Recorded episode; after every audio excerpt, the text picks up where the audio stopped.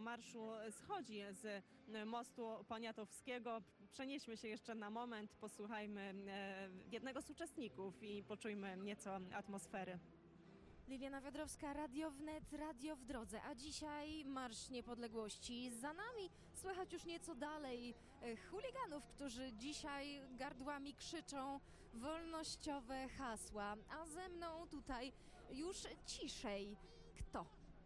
Janusz Daniluk, e, można powiedzieć, że kombatant z czasów e, lat 80. O. O proszę, który to Marsz Niepodległości? E, jeszcze raz, bo nie słyszę.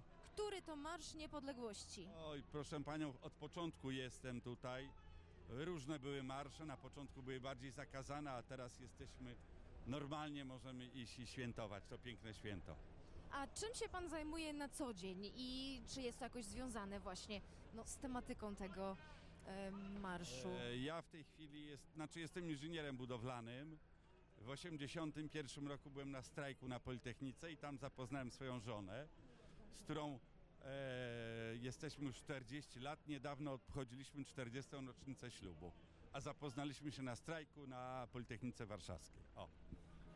A pan jest też historykiem. Nie, znaczy amatorem. Jestem inżynierem z wykształcenia, ale lubię historię i uczestniczę w tych wszystkich wydarzeniach.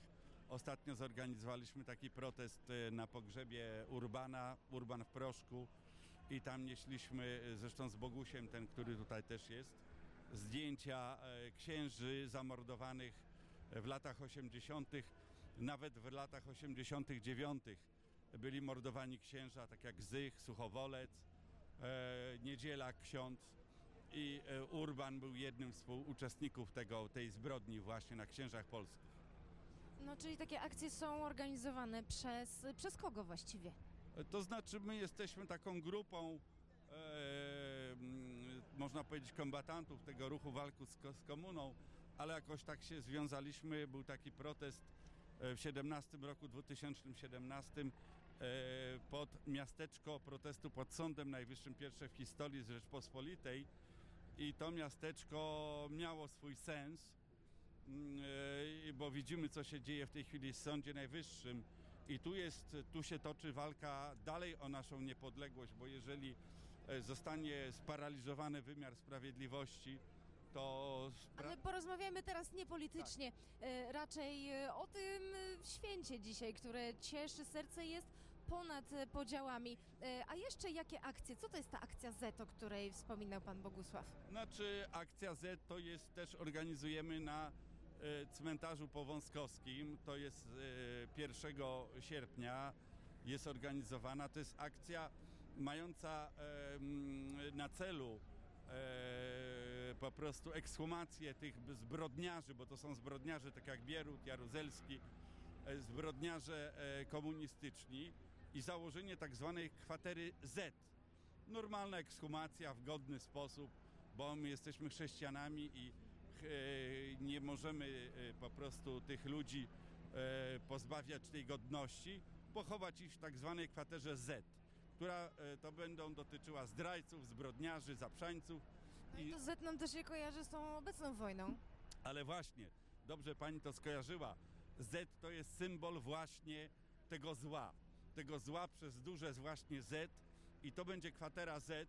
Natomiast te miejsce, które się zwolni, proszę panią, nie wiem czy pani e, zwiedzała powązki wojskowe, a tam są takie piękne miejsca, które e, w dalszym ciągu e, stoją monumenty, mauzolea takich zbrodniarzy jak Bierut, a my chcemy w tych miejscach, które będą, te pomniki będą rozebrane i chcemy tam postawić, proszę panią, panteony naszych prawdziwych bohaterów, których ciała, doczesne szczątki nie są jeszcze znalezione, tak jak Rotmistrz Pilecki, jak Hubal, jak e, generał Fieldorf-Nil, szef Kedywu. Tam należą się postawić e, takie właśnie mauzolea, żeby czekały na tych bohaterów. To jest miejsce, powstanie, e, e, cmentarz powązkowski to jest Panteon Polski. I mój dziadek, mój ojciec to byli powstańcy w Warszawie. Ja jestem warszawiakiem z wielu pokoleń. Mój dziadek nie ma e, e, swojego miejsca, nie ma pomnika. tam leżą, proszę panią, młode, dlatego warto wspominać taki dzień, bo to my im zawdzięczamy tą niepodległość, tą wolność. Tym tam leżą młode dziewczyny, proszę panią, 17-18-letnie pod brzozymi, brzozowymi krzyżami chłopcy, którzy nie dorośli praktycznie, a już musieli oddać życie za ojczyznę.